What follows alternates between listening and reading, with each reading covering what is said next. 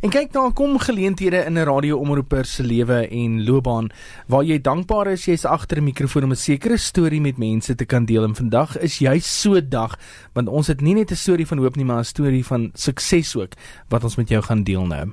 Hy het ten spyte van 'n rare niersiekte dit steeds reg gekry om Suid-Afrika te verteenwoordig in die wêreldoorplantingsspele in Spanje vroeër vanjaar en hy is van Harlem daar in die Wes-Kaap nou. As jy nou nog nie die naam Martinique Dupré ken nie, dan moet jy nou vandag mooi luister want hy is op die lyn. Goeiemiddag Martinique. Goeiemiddag. Goeiemiddag. Hoe gaan dit met jou? Dit gaan baie goed, kan nie kla nie. Kyk Martinique, ons het nou al jou storie oor en oor gelees in verskeie koerante en oral en jy het omtrent sukses behaal, maar ek wil gou 'n bietjie teruggaan. Jy het omtrent 'n moeilike tyd gehad toe jy groot geword het, veral toe jy 'n tiener word. Deel gou jou storie met ons. Toe ek 14 jaar oud was, um, het ek net een oggend opgestaan en my lyf was geswel.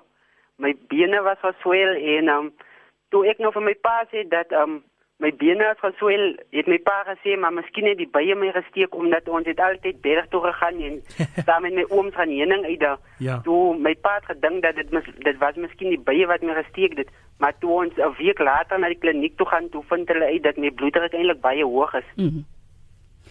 En daarvan daar het hulle my toe gestuur na Union Dale Hospital toe en toe ek nou in Union Dale Hospital toe kom toe sê hulle maar daar is nou eintlik niks wat hulle vir my kan doen nie en toe het hulle my nog eens oorgeplaas na George Hospitaal toe.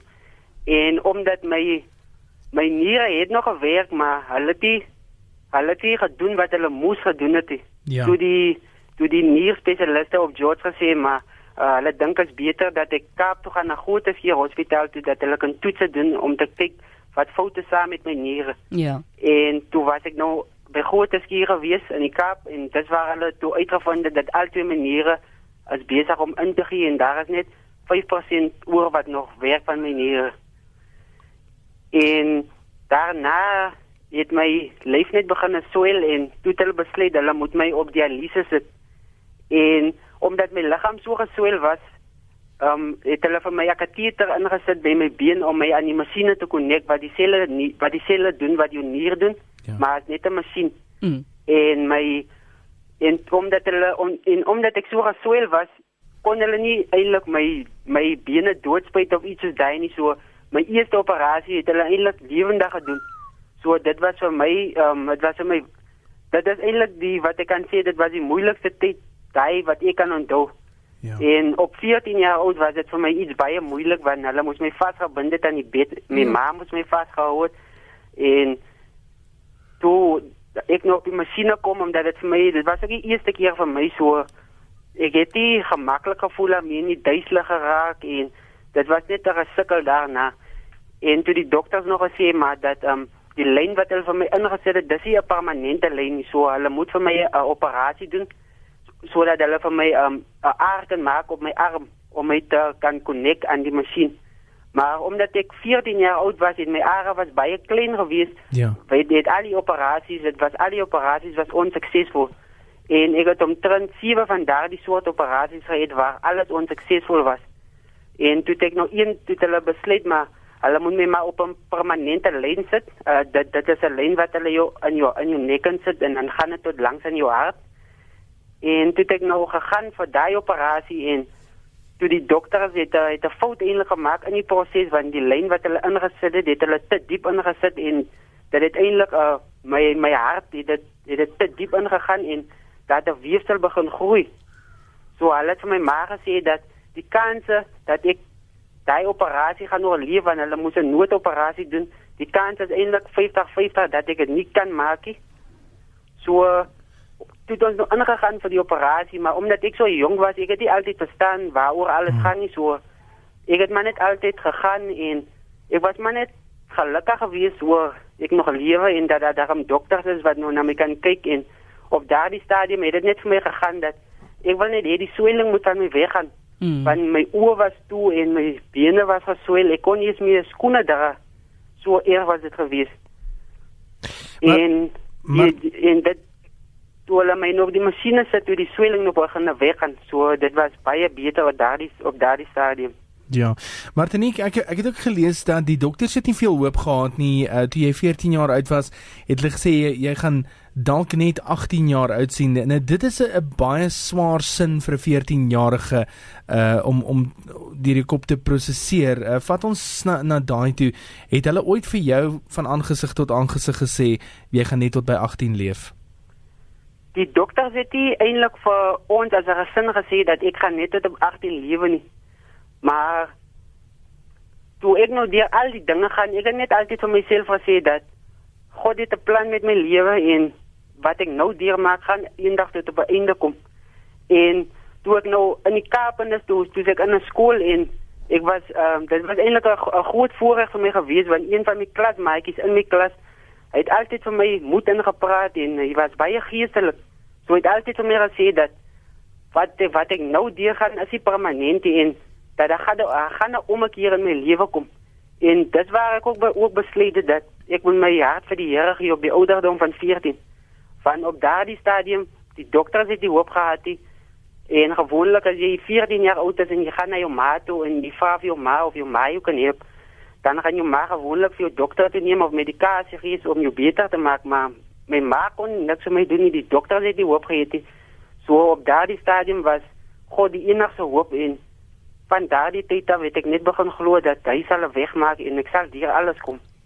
Martinique, kyk Augustus maand is orgaanskenkingsmaand en jou storie is so ek wil net nou sê 'n mooi storie want ek wil net weet wat het jou jy het nou gepraat van jou vriend, maar wat het jou regtig gemotiveerd gehou? Want selfs jou ma was bereid om haar niere te skenk, maar tog het jou liggaam dit ook verwerp. So wat het jou daardie tyd gemotiveerd gehou? Wat my motiveerd gehou het, gehou het ek het eendag net toe toe toe ek nou 24 operasies al gehad het, toe was toe ek nog geen hoop gehad het en daar was ook 'n tyd wat ek maar gevra het dat die Here my moet wegneem want ek sien nie myself deur al die dinge gaan nie. En ek het net die Bybel eendag oopgemaak en ek het Spreuke 3 vers 5 gesien wat sê dat um, 'n mens moet die, die in die Here glo met jou hele hart en jy moenie op jou eie kennis en insig staat maak nie. So ek het gedink dat ek wil maar hoop ingee, maar ek het ook geweet dat God het 'n plan met my lewe, so ek het net geglo dat hy sal 'n weg vir my maak.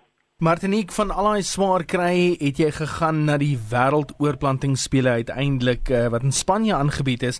Vertel ons hoe het hierdie geleentheid jou te beurt uh, te beurt geval en wat het jy als gewen daaroor? Wel, ehm um, toe my operasie sukses was, 5 maande daarna het ek ehm um, deelgeneem aan die nasionale oorplantingsspele wat gehou was in die Kaap. Ja. En ek het um, 'n 200 meter SA rekord gebreek en dan het ek ook um, eerste gekom met twee items wat ek ook aan deelgeneem het. Maar met maar met tye wat ek gehardloop het, was ek goed genoeg. So verlede jaar in in Johannesburg by die nasionale spele het ek 5 SA rekords op een dag gebreek en ek het outomaties gekwalifiseer om aan die spele deel te neem in Spanje van jaar. So 3 weke gelede het ek deelgeneem aan die spele wat in Spanje gehou was en um, in die 100 meter het ek 'n bronsmedal gewen, in spiesgooi het ek 'n silwermedal gewen en in bolgooi het ek um, 'n um, goue medal gewen en in veerspring het ek 'n silwermedal gewen. So ek het baie hard gewerk om dit te kan bereik en um, die kompetisie was baie moeilik geweest, maar ek het nog steeds positief gebly en geglo dat ek het dit in myself om dit te kan doen. Jy klink soos 'n waffer se weight van Niekerk, Martinique. maar hoorie, uh, Martinique, was daar 'n oomblik gewees waar jy oor die wenstreep gegaan het, 'n rekord verbeter het en onmiddellik teruggedink het aan daai baie moeilike tydperk wat jy deurgemaak het en uh jy weet 'n bietjie daaroor gereminis het? Basies wat gebeur elke keer as ek as ek oor 'n lyn gaan en dit is 'n SA rekord of dit maak nie saak of dit tweede of derde nie elke keer dan as dit dit voel so onwerklik vir my want as ek dink waar ek was en dit voel amper asof ek net nog gister deur die moeilike tyd gegaan en dan sê ek altyd vir myself uh, mense gaan deur moeilike tye en hulle weet nie wat in die toekoms gaan gebeur so aan twyfel hulle maar as hulle net kan glo en dat hulle net weet dat om die dry uh, sal sal sal 'n beter dag miskien vir hulle verskyn. Dit is net iets baie wat ek kan sê dit is iets baie um, goed Mm. Baie inspirerend. Martinique, gou net 'n laaste vraag en dan gaan ons afsluit met jou want jou storie het nou baie mense geraak vandag, maar kyk soos wat ek vroeër genoem het, Augustus maand is orgaanskenkingsmaand. Nou ek wil graag hê sien dit dat jy so 'n suksesstorie het. Ek meen hulle het gesê jy gaan leef tot op die ouderdom 18. Jy's 21 vandag. Waarom sou jy sê is belangrik vir mense om te skenk? Ek sou vir mense sê dat dit is baie belangrik dat hulle hulle dat hulle op op sal sein as as as skenkers vir organe want daar so baie mense wat wag vir organe in die hospitale en die mense is nie bewus daarvan nie. En baie kere dan wag die mense so lank dan tot hulle op 'n stadium kom dan gaan hulle eintlik dood want as ons hier nog skenkers hier en as baie mense op die waglys. So dit is baie belangrik dat mense um bewus kan raak daarvan dat daar so baie mense van um ja, mense wil altyd um op op sy na skenkers hier maar um wat is wat as hulle in so 'n geval kom dan wil hulle amper wag mense ook dat dat skenkers moet wees vir hulle. Mm. So uh, ons moet nog dink dat um aan ander mense wie van ek sê altyd die Here het hom lewe vir ons gegee aan die kruis so wat is so moeilik van ons net om 'n 'n deel van ons se se se se liggaam te gee vir iemand anders wat siek is en ek dink dit dit dit sal baie um, iets dit sal dit sal goed is vir 'n mens om te kan sien maar die persoon wat was so siek en hy het baie dinge gekom en as gevolg van wat hy persoon ge, ge, gedoen het die keuse wat die persoon gemaak het om te sê dat ek wil 'n skenker raak kan 'n ander persoon wie 'n vol lewe leef en 'n gesonde lewe leef so dit ek sal sê dit is iets baie belangrik mm. Wel Martinique, ek dink jy's 'n baken van inspirasie vir die res van Suid-Afrika. Wel gedaan met jou prestasies. Ons is baie, baie trots dankie. op jou. En ons gaan jou dophou, nee Martinique. baie dankie, ja. Mooi dag vir jou. Totsiens. Bye. Dit dan die storie van Martinique Du Preez vir jou hier op middag op RSG. Wat 'n inspirasie. Inspirerend vir 'n Vrydag, nê, nee, maar uh, ook die moeilike tye wat hy moes deurmaak, die operasie sonder uh, die enige vorm van narkose wat hy moes deurmaak. So dis 'n man wat regtig harde, moeilike spore getrap het. En kyk waar hy vandag, nê, nee, multi-rekordhouer en uh, een van Suid-Afrika se sterre by die oorplantingsspele gewees in Spanje. Wel gedaan, Martinique Du Preez.